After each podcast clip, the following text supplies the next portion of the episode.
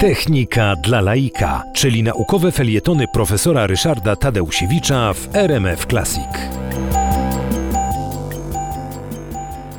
Agrafkę, którą bardzo chętnie często wykorzystujemy, wynalazł y, mechanik Walter Hund, który w 1849 roku miał kłopoty finansowe i wobec tego zastanawiając się, jak wybrnąć z tych kłopotów finansowych, y, sobie bezmyślnie giął drut. Wziął kawałek drutu, no i głęboko myślał, co też zrobić, no bo tam jakieś y, długi go ścigały i w pewnym momencie stwierdził, że tak powyginany drut po prostu się daje zapinać i otworzyć, czyli uformował całkiem przypadkiem i w ogóle nie, nie myśląc o tym, agrafkę.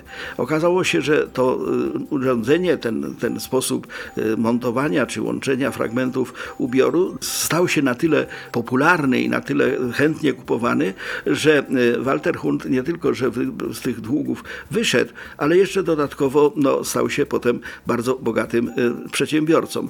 A więc pamiętajmy, czasem nawet robiąc coś bezmyślnie, możemy przypadkiem się wzbogacić.